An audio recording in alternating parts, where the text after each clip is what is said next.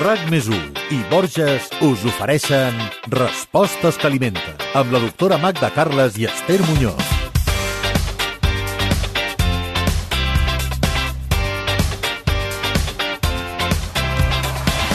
Es prenen begudes alcohòliques durant tot l'any, però ara a l'estiu el consum es dispara. Les vacances, el fet de tenir més temps d'oci, les altes temperatures i també l'ambient festiu influeixen. I, és clar, és el moment de fer-se preguntes. Per exemple, quina és la dosi d'alcohol que podem prendre? És veritat que una copa de vi al dia va bé? Quina és la beguda alcohòlica més suau? Aquestes i altres preguntes són les que volem respondre en aquest 66è podcast de Respostes que alimenten.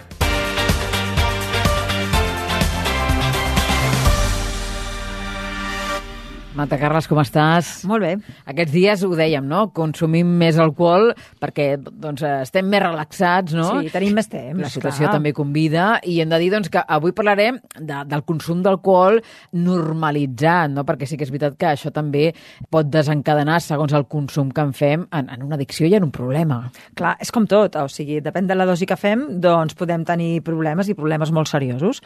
Clar, el que no té cap problema és no beure'n, siguem sincers. Ser abstemi. Ser abstemi és el que realment no té problemes. A partir de que veus, no tindrem que veure quina quantitat. Uh -huh. que, és de, que és del que va el podcast, no? Ah, la exactament, quantitat. exactament. Eh, sempre s'han pres begudes amb alcohol en totes les societats? A veure, pel vist és una cosa molt, molt antiga, eh? A lo que és a la, la Mediterrània s'han vist restes de, de recipients per contindre el vi, eh, doncs de, de fa 5.000 anys. Vull dir que jo crec que és una cosa que des de sempre, des de sempre. Jo crec que no es pot dir amb precisió com va aparèixer, però vaja, no és, no és una cosa de fa dos dies, eh? això està clar. I per què el consumim tant? Sobretot a la nostra societat, eh? perquè les dades que es publiquen regularment indiquen que el consum d'alcohol és bastant alt a casa Déu-n'hi-do, nostra. déu nhi déu Bé, jo crec que hi ha molts factors. Crec que és un factor cultural, des de sempre, forma part de la nostra cultura, de la cultura de l'oci, de la, fins i tot de relacionar-nos uns amb els altres, dels grans esdeveniments, forma part de tot. De sociabilitzar d'alguna manera. Exacte. Però també des del punt de vista gastronòmic, especialment aquí a la cultura mediterrània, el vi forma part de la tríada mediterrània, vull dir que ens ve per, de totes bandes. Quan socialitzes, quan surts, quan celebres, quan menges, eh, quan viatges, és que és, és, és quasi imprescindible, no? De fet, si ara agaféssim 10 persones del carrer, ens costaria molt trobar una persona que no veu gens d'alcohol, eh? Uh -huh. Sobretot si estem entre adults, eh? S'entén. Uh -huh. L'element més important de la beguda alcohòlica és l'aigua i l'aigua, evidentment, és, és, és imprescindible per la vida i, per tant, des d'aquest punt de vista, sí que ens alimenten, ens hidrata més que alimentar. Ara bé, les quantitats de nutrients que hi han, inclús les que tenen baixa qualitat alcohòlica, com és la cervesa i el vi, són petitíssimes quantitats de nutrients. Quina quantitat pot tenir una cervesa d'aliment? Molt poc, és que, és que ni grams, o sigui, un- una miqueta de, de, de, de vitamina del grup B, carbohidrats en té més, vull dir, però estem parlant de les que són més nutritives, perquè són les que tenen menys alcohol i tenen més aigua i, per tant, venen de la fermentació alcohòlica doncs, del blat o del raïm. I aquí, clar, hi ha petites dosis de nutrients, però d'aquí a considerar un aliment... Mm, seria una discussió, eh, Esther? Si algú diu, doncs vostè s'ha equivocada, és un aliment, també tindrà els seus arguments. Però jo, com a metge, considero que aliments són altres coses. Perquè la composició d'una beguda alcohòlica, ara ens deies, eh, té aigua, té molta sí, aigua, això és no? l'element principal. Per exemple, I la si- resta? Clar, si agafem una cervesa que té 4 graus d'alcohol, tu ja saps que els graus vol dir quina dosi, quina dosi hi ha d'alcohol. Si són 4 graus, vol dir que són el 4% d'aquella beguda és alcohol. Si volem transformar-lo en grams d'alcohol, saps tu que es transforma multiplicant per 0,8, pel tema de les densitats, no? Doncs bé, si traiem aquests eh, 4%, diguéssim, mil·litres d'alcohol, la resta, bàsicament, la resta és aigua aigua, però amb petitíssimes dosis del que dit aigua, del que dit ara, no? Una miqueta de carbohidrats i petitíssimes dosis de minerals, quelcom de vitamines de vitamines del, del grup B i poca cosa més, eh? Poca cosa més. Per això et dic que això considerar-ho un aliment, doncs home... És discutible. És discutible. A veure, seria discutible, vull dir que hi ha arguments que també pot ser que sí, eh? però des del meu punt criteri mèdic, no. Uh -huh. Aquest és el teu punt de No, vista. exacte. I valor nutritiu, entendria? Valor nutritiu? Si considerem per valor nutritiu que aporti una energia, per exemple, doncs sí, aporten una energia perquè tenen carbohidrats i tenen alcohol. Per tant, sí que aporten una energia al cos. D'acord? No són zero calories una beguda alcohòlica, ni molt menys. I repeteixo, si es tracta de cervesa o de vi, sobretot, doncs trobaríem petitíssimes quantitats de nutrients. Mm -hmm. Clar, aquestes dues begudes, aquests dos exemples que ens poses, es pren la beguda tal qual, sola. Sí, una sí, copa sí. de vi, Sí, una cervesa. blanc o negre, una cervesa, però en el cas d'un combinat, Ah, llavors això, és- ja això seria altra història. diferent. Això és una altra història. Hi hauria valor nutritiu del que puguis posar. Si t'hi poses suc de llimona, ja, evidentment, hi haurà valor del suc de llimona. Si poses sucre, hi haurà el sucre. Jo crec que, eh, quan parlo de vi de cervesa, parlo, de fet, de les begudes més inofensives que hi ha amb, amb alcohol. Per tant, d'alguna manera, també de les més recomanables. Per tant, per entendre'ns, eh, per saber la dosi exacta d'alcohol que porta una beguda concreta, quina és la manera de saber-ho? Molt fàcil, tu mires els graus que té. Si tu, tornem amb la cervesa, si veiem una cervesa ja posarà 4, 4 i mig, 5, perquè hi ha cerveses que tenen 4 graus, però n'hi ha que en tenen 6. La majoria tenen 4. Doncs tu ja saps que, de, que tot, tota aquella capacitat, aquella ampolleta de cervesa, el 4% és alcohol. Doncs tu has de multiplicar aquest 4 per la capacitat total de la cervesa, per la quantitat total de la cervesa, per 0,8 és el factor de conversió en grams, i allà hi haurà la quantitat de, de grams d'alcohol. Anem amb els problemes, no? Eh, els problemes que ens pot provocar el consum d'alcohol controlat. Eh? Sí. Estem parlant sempre de consums controlats, eh? Sí. Eh, no d'accessos, no? Sí. Quins serien aquests problemes? A veure... Uh, A nivell de salut, eh? Ah, quan tu dius consum controlat, et refereixes moderat? Moderat, correcte. Clar, Exacte. clar, és que primer tindríem que definir què és, eh, i aquí està, la, que aquí està el kit de la qüestió, Esther, que és Qui- molt quin és? difícil definir Què és quin és el moderat? consum moderat que segur que no et fa cap, porta cap problema. On estaria aquesta barrera? La, la majoria d'estudis consideren que per una dona una unitat de, de, de beguda, que seria una cervesa, 100 centímetres cúbics del vi, de, de vi o un petitíssim dosi del- de- de- d'un de, destil·lat, però una cosa o l'altra o l'altra, no les tres, diguem-ho clar, repeteixo, una cervesa o 100 centímetres cúbics de vi o una petitíssima dosi de destil·lat és la dosi màxima inofensiva. Uh -huh. Una unitat al dia. Que no vol dir que jo ho estigui recomanant, eh? Vol dir que aquesta seria la dosi que, no, que probablement no ens farà mal probablement no ens farà mal. Evidentment, aquesta dosi tampoc seria inofensiva ni una persona embarassada, ni per una persona que tingui problemes d'estómac, etc etc. Però per una persona sana, adulta, aquesta unitat és el que es considera que val, fins aquí. Clar, pels homes, sempre ho hem dit, Esther, que ells poden metabolitzar més l'alcohol, això es transformaria en dos unitats. Doncs, per tant, ells poden prendre tranquil·lament doncs, el doble al dia. Però, també repeteixo, no és que ho estem recomanant, és que estem dient una unitat de beguda, dos pels homes, és el màxim que podem dir de consum inofensiu. Val? I tot i això hi ha molta polèmica amb això. Eh? O sigui que, pensa que fa temps es deia que millor una copa de vi al dia, recordes com, que fa uns 7-8 anys, 10, es deia una copa de vi al dia saludable. Ara hi ha estudis que demostren que diuen, home, no està tan clar, el millor consum és el consum zero. Sí, sí, les campanyes que es van fent regularment, no? Exacte, exacte. I fins i tot ara es comença a dir que el que és bo és deixar dos dies a la setmana sense, amb consum d'alcohol zero. Zero. Fins i tot encara que tinguis un consum moderat d'alcohol. Per tant, les coses van evolucionant. Però ara, això és la teoria i la recomanació científica i una altra cosa és la nostra realitat. Crec que s'ha de tenir en compte una cosa i l'altra. Per tant, amb aquest consum moderat, Sí. problemes de salut no en- no n'hauríem de tenir. De fet, no. En teoria, no. En teoria, no. Si ets una persona sana, si ets una persona amb dieta equilibrada, doncs no tens per què tenir problemes, no? Evidentment, jo repeteixo, què és el que segur que no té problemes? Doncs no té El problema. consum zero. Zero. Ara, girem la moneda, girem la truita i mirem els, els, els possibles efectes positius d'aquest petitíssim consum d'alcohol. També n'hi ha, també n'hi ha. Hi ha estudis que demostren bueno, doncs que té un cert efecte relaxant, té un cert efecte també de que, que et sents com per, per dormir, o sigui, una petitíssima, una cervesa, per exemple, és, va bé per l'insomni, això ho sap tothom, eh? Una, una eh? Una. Um, també hi ha estudis que demostren que augmenta el colesterol bo, etc. Eh? Però sempre, sempre en petitíssimes dosis i sempre segons alguns estudis. Per tant, jo, jo, estic convençuda eh, que una, una minidosi d'alcohol pot tenir els seus efectes positius, però clar, no per això recomanaré mai que una persona begui alcohol. Sí, sí, hi ha hagut campanyes, fins i tot recordo, que recomanaven beure una copa de vi al dia per allargar la vida. Exacte. Això ara no està tan clar. Per què? Perquè han sortit altres estudis que no, no que ho desmenteixen.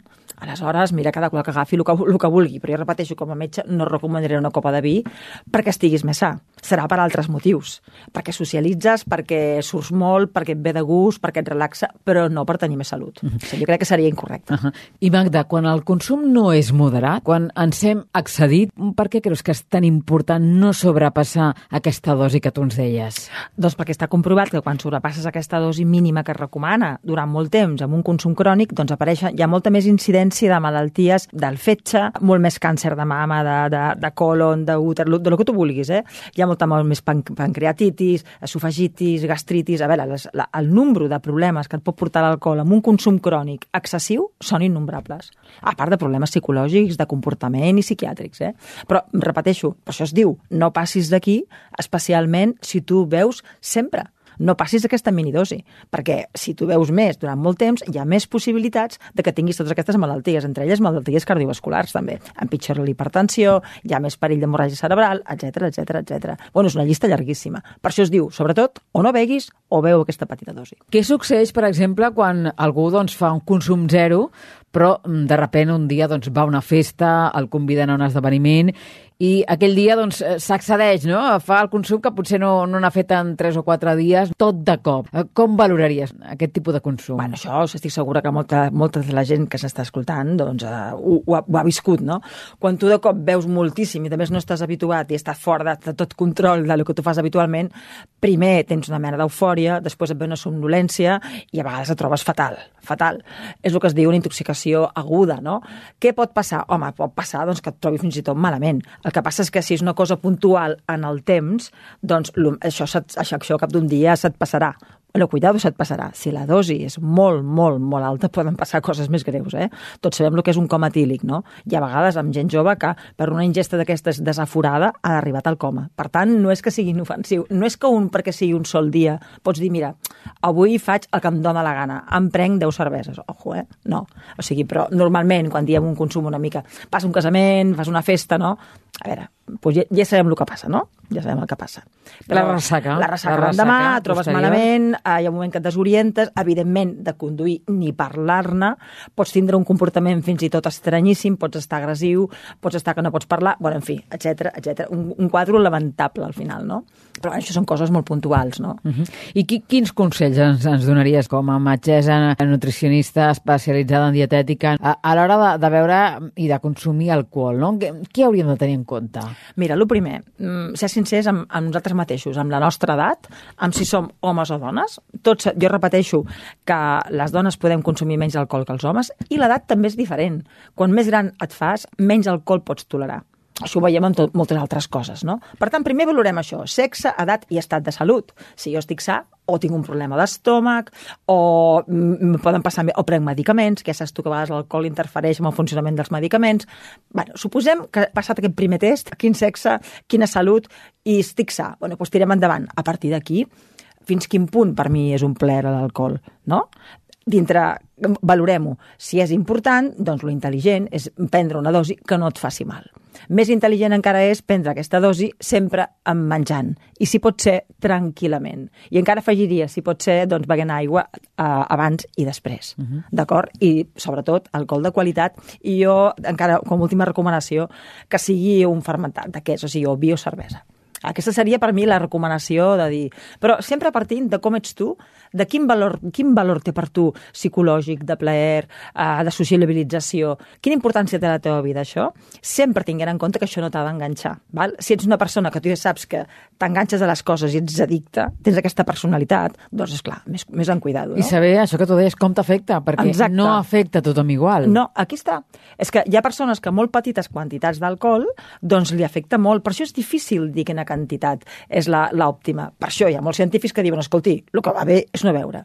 Però també entenc que si som realistes, ja dic, la teoria està molt bé pels llibres, però mm, a l'hora de la veritat... La pràctica és una altra la pràctica, cosa. un surt, un viu, menges, eh, celebres, eh, fas coses. No es podem pas tancar en una vitrina per, per, viure, per viure tot perfecte, tot asèptic. Per tant, com que això hi és, això existeix, jo crec que el més intel·ligent és acceptar-ho i manejar-ho de manera que no et faci mal. Un dels consells que ens donaves és prendre aigua sí, abans de consumir sí, alcohol sí. i després. I després, perquè un dels efectes, que això en podem parlar, un dels efectes d'una beguda alcohòlica és que et fa perdre més aigua i que et baixa la glucèmia. És a dir, eh, per exemple, tu veus un, dos copes de vi, no? Que de fet les noies ja estarien passant d'aquesta dosi que Sí, dèiem sí, inofensiva. sí. Imagina si és fàcil, això, eh? Per suposar, conduir res, hi ha dos copes de vi, eh? Res de res.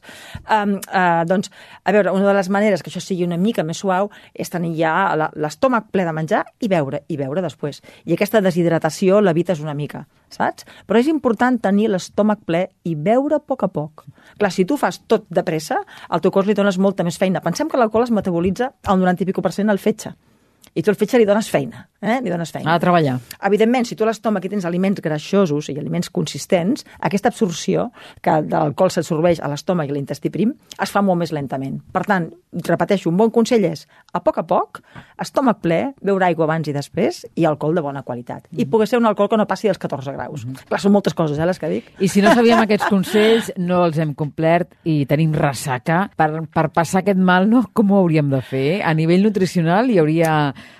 alguna recomanació? Mira, a cada qual li afecta una mica de forma diferent, no? Però el primer que has de fer és beure molt, perquè en gran part els efectes de ressaca, aquest mal de cap que tenim, és de de- deshidratació. Per tant, beure, beure, beure, beure. Tot l'altre que es diu, que si va bé això, que si... La cervesa, per exemple, diuen l'endemà, te prenes una cervesa de bon matí i, perquè t'hidrata, molt perquè, perquè el 90% és, és, és, és aigua, no?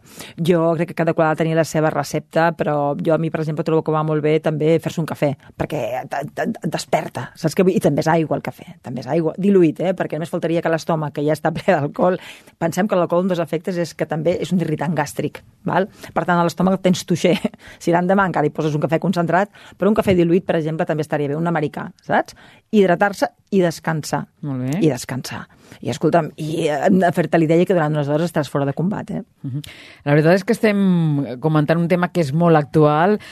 Aquesta temporada hem sentit molts testimonis de persones fins i tot conegudes no? que comparteixen la seva experiència Sí, sí, sí. perquè en prenguem consciència. Recordo haver tingut aquí a RAC1, al programa Mm. del Toni Clapés, a la Sí, RAC1, sí. a la presentadora Flora Saura parlant d'un reportatge que ha fet per TV3, eh, que es va emetre al Sense Ficció, que es diu No penso tornar a veure mai més, on es diuen moltes de les coses que tu has Sí. comentat, perquè apareixen molts experts, sí. eh, metges, que, Sí. que han parlat d'aquestes xifres que tu ens donaves, Sí. Magda, i on la, la Flora doncs, explica la seva experiència eh, amb el consum de l'alcohol i on explica també el seu procés de desintoxicació. Eh, I després també recordo un programa de, del Jordi Évole on també va entrevistar el Gervasio de Fer, el gimnasta, Mm. i on ell també explicava el seu testimoni. Per tant, estem parlant d'una realitat. No, i estem parlant de persones, fixa't, el Gervasio de Fer, una persona esportista, probablement amb uns hàbits de vida saludables durant anys i anys i anys. La Flora, una noia pues, fantàstica, amb, una, amb una vida super satisfactòria. No vull dir que ningú està lliure d'enganxar-se a, a algun tema d'aquests. Per això ens tenim que conèixer bé. Per això és tan perillós l'alcohol amb els joves. Quan tu tens 40 anys, tu ja et coneixes. Però quan tu en tens ben i pico, és més difícil. I com que produeix aquesta eufòria. De fet, no se sap molt bé aquest mecanisme d'enganxe que té l'alcohol i per què dona tanta satisfacció a moltes persones, no? El cas és que ho fa. I clar, la, aquí la, la gràcia està en l'autoconeixement. Un ha de saber quins són els seus límits per divertir-se. És important, això. Has de saber fins quin punt tu pots fer servir... El figap és una droga, diguem-ho clar. Doncs eh, has de, et fa servir el menjar, l'alcohol, per passar-t'ho bé. Quins són els teus límits? Exacte, saber quins són els límits jo crec que és imprescindible per mantenir la salut. Uh -huh. Clar, el que no podem fer és ser vida de, de monjos, de, de, de, de monestir, perquè això també, dir que la gent faci això, a mi em sembla una mica absurd perquè no es correspon amb la realitat. Ja està I clar. perquè la vida ja té prou coses complicades com perquè a sobre ens traiem les coses que, que ens fan sentir bé. No? Totalment Es- d'acord. Es tracta de, de, de fer-ho servir de forma inofensiva. Uh -huh.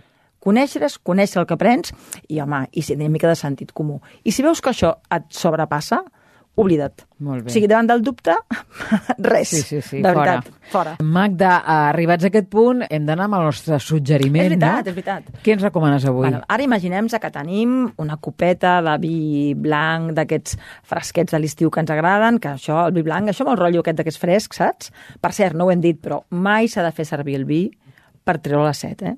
Això, això és Ni la essencial. cervesa. Ni tan sols la cervesa. De fet, encara, encara, encara que té molta més aigua, jo sempre recomano, ara em criticaran, eh? però sempre recomano la cervesa prendre's una mica d'aigua. Però sobretot el vi, que ja té 14, 12, 12 13, 14 graus. Aquest és un dels errors que es cometen. Clar, um, tu estàs allà, que de la platja, que et porten el vi abans del primer plat i dius, oh, fred, que bo. No, abans, per sisplau, pren l'aigua i després prens el vi.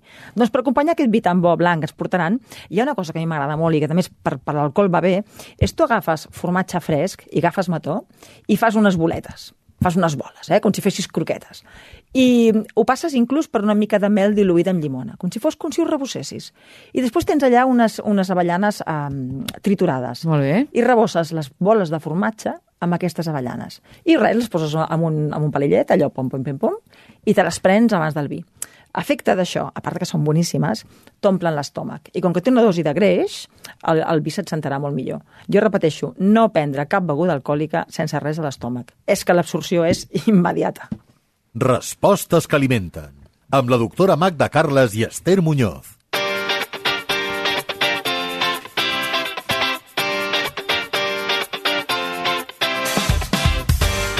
Avui, el Respostes que alimenten, ens estem preguntant quina quantitat d'alcohol podem prendre. Estem acabant, però volem que la doctora Magda Carles ens respongui a aquesta pregunta. Quin vindria a ser el resum, Magda? Mira, el resum és que les begudes alcohòliques donen un plaer inexcusable i, i que estan entre nosaltres des de sempre, però tenim que saber que el seu valor nutritiu és molt petit, sí que té algo de valor nutritiu la cervesa i el vi com a beguda fermentada, algo de vitamines, algo de minerals, algo d'antioxidants, que no n'hem parlat, però famós resveratrol del vi, però que tot això no és suficient com per dir quan més millor.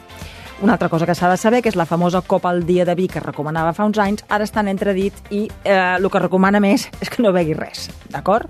Dosi mínima inofensiva? Doncs seria una unitat de beguda que és 100 centímetres cúbics de vi o una cervesa o una petita dosi de destil·lat per les dones al Sí, dia sí. o dos si són homes.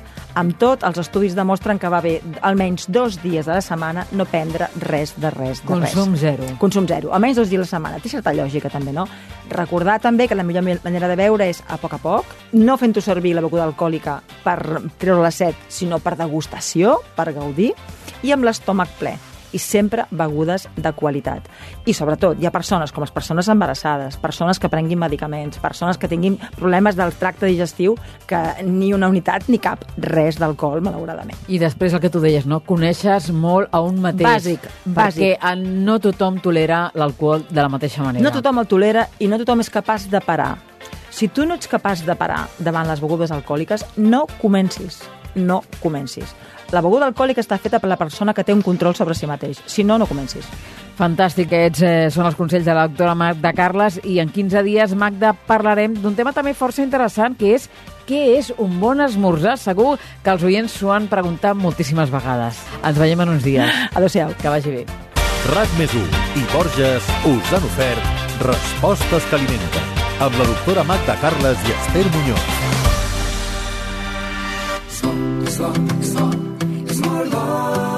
Cuidar-se és el més important. A Borges sempre et portem els productes més naturals perquè cuidem la terra que ens els ofereix i els elaborem de la manera més sostenible possible, com la nova ampolla d'oli feta en plàstic reciclat. Borges. Que bo que és